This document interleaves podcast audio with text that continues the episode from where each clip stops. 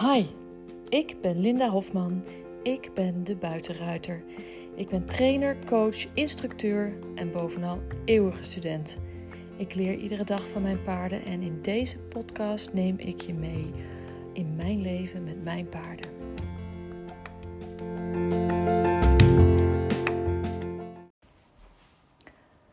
Goedemorgen. Ja, ga ik zomaar ineens terug naar vijf keer podcast in de week in plaats van iedere dag, zeven dagen per week. Um, de reden daarvoor is uh, dat ik mezelf altijd voorhoud dat ik op ieder moment een andere keuze kan maken. Omdat ik me soms vastleg aan dingen um, die dan um, op de lange termijn misschien wat te zwaar zijn. En dan wil ik gewoon opnieuw een keuze kunnen maken. En ik heb natuurlijk 110 afle nou, 100 afleveringen opgenomen. Uh, zeven dagen per week. Toen vervolgens nog tien afleveringen, zeven dagen per week. Um, met even een tussenpoze, omdat ik dan naar uh, Iberostad op en neer ben gereden in Duitsland. En dat is de tweede keer dat ik dan even een podcastpauze neem, want dan gaat gewoon niet samen. Um, en nu, afgelopen uh, week, heb ik voor mezelf besloten dat ik even niet meer zeven dagen in de week ga werken. Dus ik uh, ben aan het proberen om al mijn lessen die ik in het weekend heb um, over te zetten naar lessen die naar door de weeks. Um, en ik uh, probeer dus dan ook niet meer te podcasten in de weekenden, want dat is ook werk. En ik heb dit weekend heerlijk genoten van um, geen dingen moeten. ik had uh, en nog één les die, uh, die wel doorging op zondagochtend. Maar verder uh, is alles, uh, was het rustig. Ben ik lekker met de kinderen op pad geweest. Ben ik met mijn man lekker op pad geweest. Met de honden gewandeld, met mijn moeder samen. Dus ik heb echt dingen gedaan die ik uh, normaal niet zoveel tijd voor neem. Dus dat is lekker. Eventjes family time. En even tijd voor mezelf. Ik heb gewoon een tijdje uh, gisteravond op de bank gelegen. En uh, nou, dat was zo gezellig dat uh, behalve de honden ook mijn kinderen erbij kwamen. Dus ik lag op een gegeven moment bedolven tussen kinderen en honden die allemaal even knuffels kwamen halen en even helemaal gezellig kwamen kletsen. Dus dat was heerlijk. Echt even genieten dit weekend. En nu is het maandagochtend, dus we gaan weer beginnen. Maar dat betekent dus dat we de komende tijd ga ik uh, alleen op de doordeweekse dagen, dus vijf dagen in de week, een podcast opnemen. En um, inmiddels zijn er 110 afleveringen online. Uh, er zal maar een enkeling zijn die ze alle 110 al geluisterd heeft. En um, die enkeling die kan best twee dagen wachten in het weekend. Uh, om even dan op maandag weer uh, opnieuw op te starten met de volgende. Uh, alle anderen die kunnen uh, oude afleveringen terugluisteren en uh, een soort cherrypicking doen van wat je nog wil horen in de tussentijd. Als je denkt, oh ja, maar ik wilde nog wat luisteren. Er is genoeg. De bibliotheek aan podcasten staat vol. Um, nou, voordat ik dan echt begin aan het onderwerp waar ik het vandaag over wil hebben, uh, ga ik eerst nog even jullie wijzen op de kortingsactie die er nu loopt tot 1 november voor de training Natuurlijke Rijkunst. Je krijgt van mij 265 euro korting um, voor mijn halfjaar traject training als je je voor 1 november aanmeldt. En voor mijn studenten geldt zelfs nog een betere actie, namelijk dat zij als zij een nieuwe student aan, um, uh, aanbevelen aan mij, of mij aanbevelen aan een nieuwe student, dat zij nog weer drie lessen gratis krijgen. Dus um, ja, ik ben echt. Het is namelijk. Ja, ik, ben echt. Ik, ik, ik wil zeggen. Het is echt zo dat. De mensen die via via komen. Dat dat uh, gewoon de beste uh, studenten zijn. En dat dat um, heel goed klikt. Dus daarom heb ik zoiets van: ja, laat alsjeblieft mijn huidige studenten het rondvertellen. Dan krijgen zij drie gratis lessen. En uh, heb ik leuke studenten, leuke nieuwe studenten. Dus uh, Ja, als jij als student bij, bent bij mij of bent geweest, ehm, dan kun je ehm, dus drie gratis lessen krijgen als je een nieuwe student uh, weet aan te melden. Um, zeg je nou ja, maar nu komen we. Ik, ik, ik wil graag op locatieles hebben. En dan regel ik er nog een paar bij. Want ik geef ook op locatieles.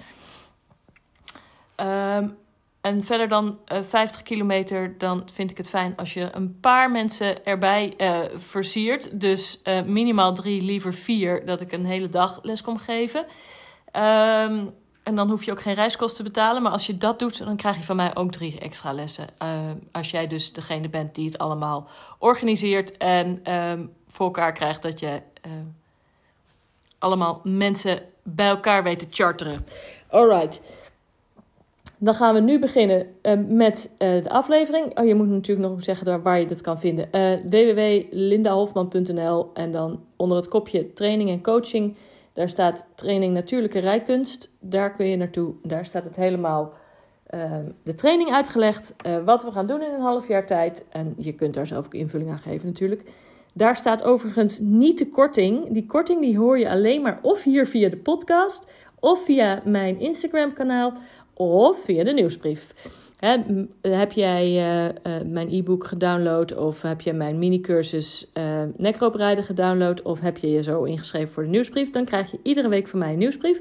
En in die nieuwsbrief um, ben je ook altijd als eerste op de hoogte van dit soort leuke dingen. Dus um, ga daar even naar de website www.lindahofman.nl en dan onder het kopje training en coaching staat natuurlijke rijkunst. En daar kun je het vinden. Als je mij volgt op Instagram, dan kun je het ook via de link in bio, staat hij ook. Alright, 265 euro korting tot 1 november 2021. Uh, nu gaan we door met het onderwerp waar ik het vandaag over wilde hebben. Er is namelijk een van mijn volgers uh, op um, Instagram die vroeg van de Marie-José is dat. En die vroeg um, in haar stories van de week: ja, mijn paard in de draf zakt ze zo diep met haar hoofd. En wat ik ook doe, ze komt niet omhoog. Ze blijft maar heel diep zakken. En ze draait zich helemaal de krul in als ze zo laag loopt. Nou heb ik uh, de groei van deze twee uh, dames, hè, deze mevrouw en uh, haar Mary, een beetje gevolgd afgelopen anderhalf jaar. En um, het is een Mary die nog niet zo heel veel kent. Ze is al wel uh, volwassen hoor. Ik geloof dat ze negen of tien is. Maar ze is pas uh, recentelijk echt uh, goed beleerd en wordt goed doorgepakt. Dus um, er zijn heel veel dingen die ze nog niet weet. En daar moet je altijd rekening houden met je paard. Dat op het moment dat je hulpen geeft, dat het best wel kan zijn dat je paard dingen nog niet weet. Zeker paarden die net een beetje zijn aangereden en misschien een beetje zijn doorgereden. En dan heb ik het met name over de halve ophouding. Want de halve ophouding is iets wat wij als gevorderde ruiters veel gebruiken. Dat is een hulp die je snel toepast. Um, om verzameling te vragen, om nagevelijkheid te vragen, om uh, dat je denkt van nou, dan komt de balans naar achter en dat komt het binnenachterbeen er beter onder. Maar als jouw paard nog niet weet wat een halve ophouding is, kan jouw paard ook niet op de juiste manier reageren op die hulp. Dus um, haar instructeur had gezegd dat zij veel voltes moest rijden. En daar ben ik het helemaal mee eens. Want veel voltes rijden zorgt dat je het binnenachterbeen goed kan ondertreden. Hè, door, de, door de laterale buiging. En um, dat ze de voltes moest gaan verkleinen en vergroten. En dat verkleinen en vergroten is goed voor de laterale buiging en voor de balans van het paard. Maar um, dat helpt niet met je paard. De, dat is de, de zijwaartse balans, zeg maar. Hè? De, de balanslijn links en rechts. Maar dat helpt nog niet met de balans van voor naar achter te krijgen. En op het moment dat een paard met zijn hoofd diep naar beneden loopt en in de krul gaat draaien, dan um, ligt het zwaartepunt boven de voorbenen. En eigenlijk waar je zit en nog verder naar voren, boven de voorbenen. En de voorbenen zijn stijl en uh, kunnen weinig opvangen. En zijn ook gevoeliger voor blessures dan de achterhand. Dus je wil het zwaartepunt, dus eh, de massa, het gewicht, draagkracht, zeg maar, van je paard aan de achterhand hebben. Dat kan alleen maar op het moment dat, de hoofd, dat het hoofd van het paard niet te laag is. Het hoofd moet boven de lijn van de schoft blijven. Op het moment dat het hoofd door de lijn van de schoft heen zakt, kan je alleen maar op de voorhand lopen. Omdat je als ruiter ook al daar zit, is er al echt extra gewicht daar. Het hoofd is zwaar, dat hangt nog een keer naar beneden. Dus dan is het gewicht hangt op de voorhand. Uh, dat is uh, prima om hals te strekken of even een, een rek- en strekken oefening te doen na de verzameling. Maar op het moment, en een paard moet het absoluut kunnen, maar op het moment dat jij je paard wil vragen om die rugspieren beter te gebruiken, om die achterhand er meer onder te krijgen, dan moet het hoofd omhoog, want het hoofd is zwaar. En um, dit hoofd omlaag in de krul is niet nagevelijk. Of nou, is wel nagevelijk, want het is, nagevelijkheid is een, een ja, is eigenlijk meewerkendheid. Je paard is best wel meewerkend, maar je paard draagt zichzelf niet. Dus hij is niet verzameld. En je wil die verzameling eigenlijk van, uh, daarvoor moet het hoofd omhoog. Dus de balans moet naar achter, het zwaartepunt moet naar achter. Het paard moet het gewicht van, het hele, uh, van zijn hele lijf en van de ruiter gaan dragen meer met de achterhand dan met de voorhand. Daarvoor moet het hoofd hoog, schouders los en de achterhand eronder. Echt fysiek eronder stappen. Want die achterbenen die zijn grote, sterke spiergroepen, die kunnen dat dragen. En die achterbenen, doordat die um, meer buigzaam zijn dan die voorbenen, fungeren die als een soort um, springveer, zeg maar. Dus die kunnen heel veel dragen. Dat is de goede vering die je in een auto hebt. Nou, die heeft je paard in de achterhand. Uh, niet in de voorhand, want in de voorhand kunnen, ja, daar kunnen ze maar heel weinig opvangen. Dus je wil die achterhand, die wil je eronder hebben. Dan moet je dus niet hebben dat je paard in de draf zichzelf voorover in de krul gaat lopen. En dat had uh, Marie-José goed gezien. Um, en de oplossing is nog niet zo makkelijk, want haar um, instructeur zegt dus: je moet veel voltes rijden om je paard meer balans te geven en binnen-achterbeen eronder te krijgen. Ja, ben ik het mee eens. Maar dat is niet de balans uh, van uh, voor naar achter, zeg maar. Van het gewicht van, van de, aan de voorkant naar de achterkant verplaatsen. Maar dat is het balans van paard zijwaarts, links-rechts. Dat, dat zorgt voor een goede lengtebuiging door het lijf heen. Maar niet voor die verzameling en het gewicht naar achter. Om dat te krijgen moet je um, gaan werken met overgangen. En um, uiteindelijk kan je dat doen met een halve ophouding. Maar een halve ophouding moet je je paard eerst aanleren. En ik denk dat een heleboel paarden helemaal niet weten wat een halve ophouding betekent. Overigens denk ik dat een heleboel ruiters ook niet weten wat een halve ophouding eigenlijk zou moeten doen. Dus wat er gebeurt is dat je constant die halve ophouding in de teugels geeft. Dat je paard eigenlijk niet weet wat het ermee moet doen, dus zijn hals maar dieper gaat buigen. Um, en wat je dan doet, is dat je, jij gaat steeds meer doen, want het paard gaat zich steeds verder opkrullen, maar gaat niet zijn gewicht naar achter plaatsen en gaat lopen stuwen.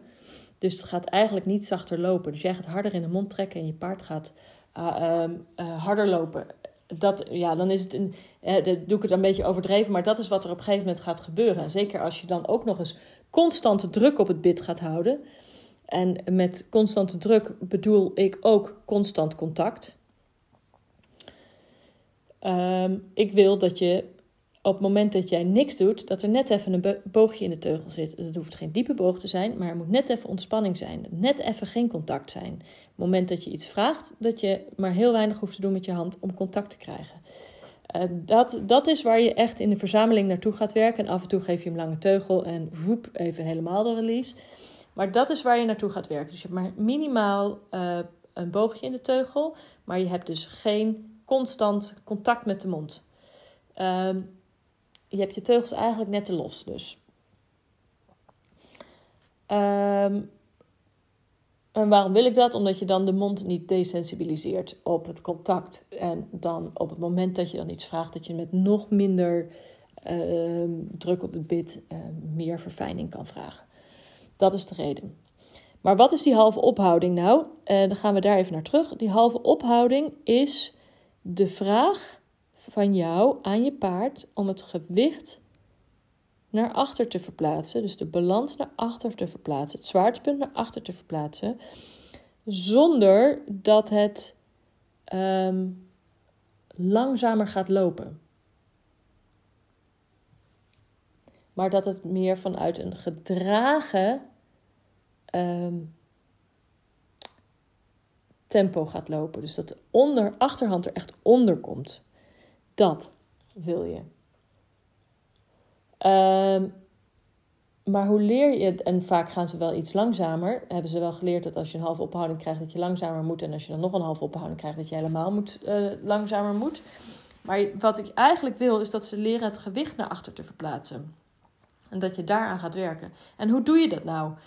Um, op het moment dat je paard dus nog, als of je gaat ervan uit dat je paard het niet weet, of je paard weet het nog niet, dan ga je een halve ophouding geven uh, pas als je uh, de hele ophouding hebt geoefend. En de hele ophouding is van stap naar halt, van draf naar stap, van um, galop naar draf. Dat is een hele ophouding. Uh, ga je dan nog verder terug, ga je van de galop naar de halt, dan maak je een vierdubbele ophouding. Maar goed, dat is even een, een, ander, een andere vraag voor nu wil ik dat je op het moment dat je paard um, in de draf te veel naar beneden zakt, of in de stap te veel naar beneden zakt, we kunnen wel even met stap beginnen. Stel je, je stapt met je paard en je paard heeft een neiging om de hele tijd zijn hoofd te ver te door de, door de lijn van de schoft heen te laten zakken. En iedere keer als je paard dat doet, ga je halt houden. Op het moment dat je gaat halt houden, komt het hoofd omhoog. Wat doe je dan in het halt houden? In het halt houden vraag je je paard het gewicht naar achter te verplaatsen. En dan doe je in eerste instantie door je paard achterwaarts een stapje of twee te laten doen.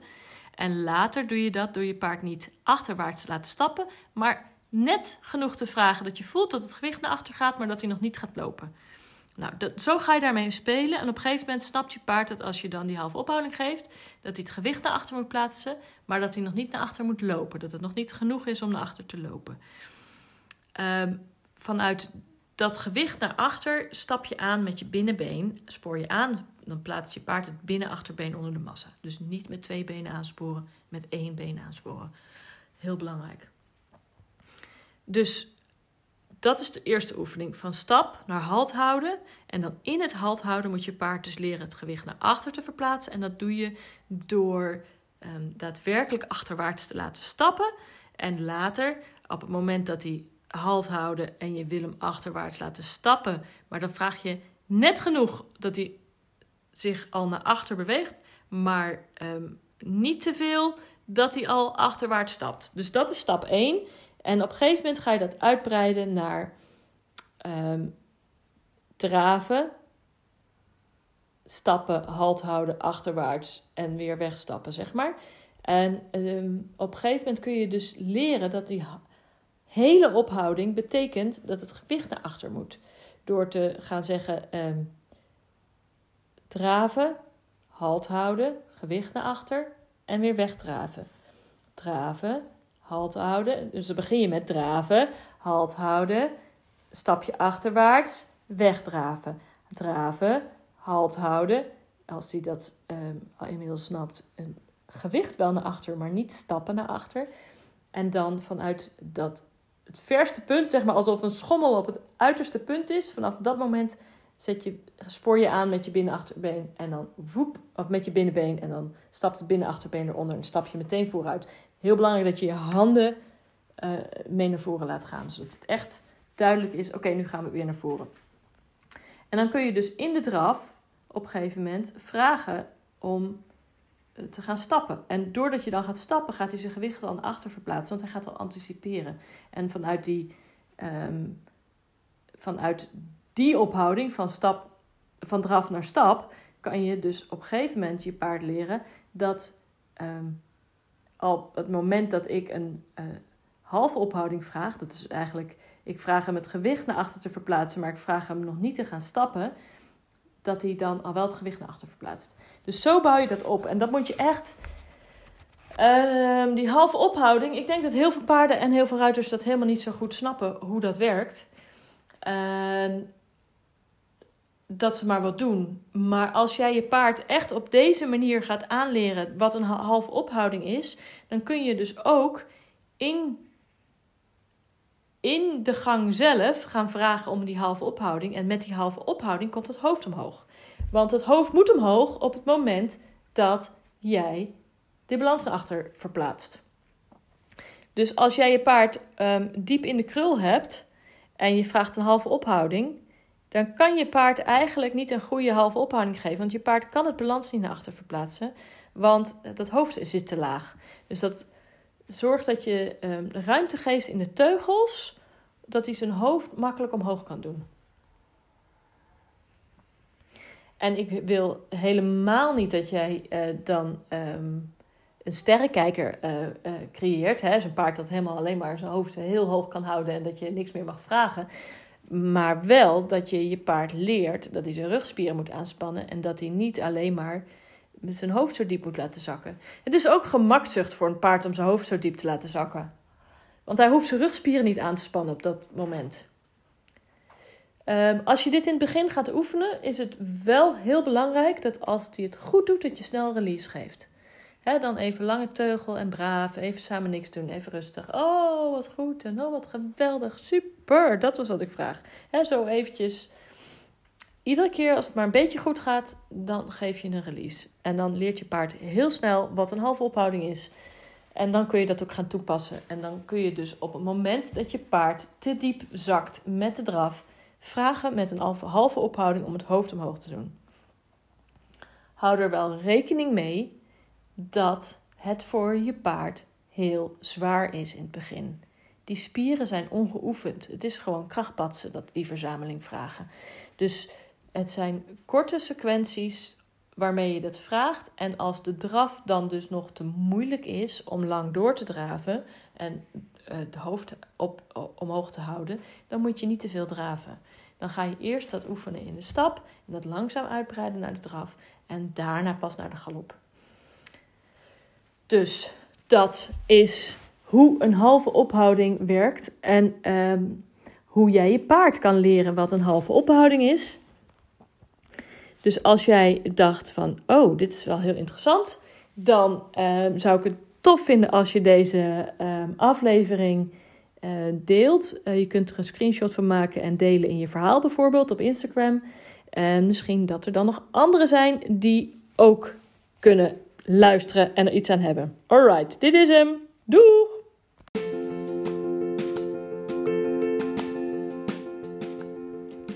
Superleuk dat jij deze aflevering helemaal hebt afgeluisterd. Heb jij ook al mijn e-book gedownload? Zo niet, ga dan naar mijn website www.lindahofman.nl en download mijn gratis e-book Angstige ruiters en gespannen paarden. Het is echt een aanrader voor als jij problemen hebt met buitenrijden. Dankjewel, doeg!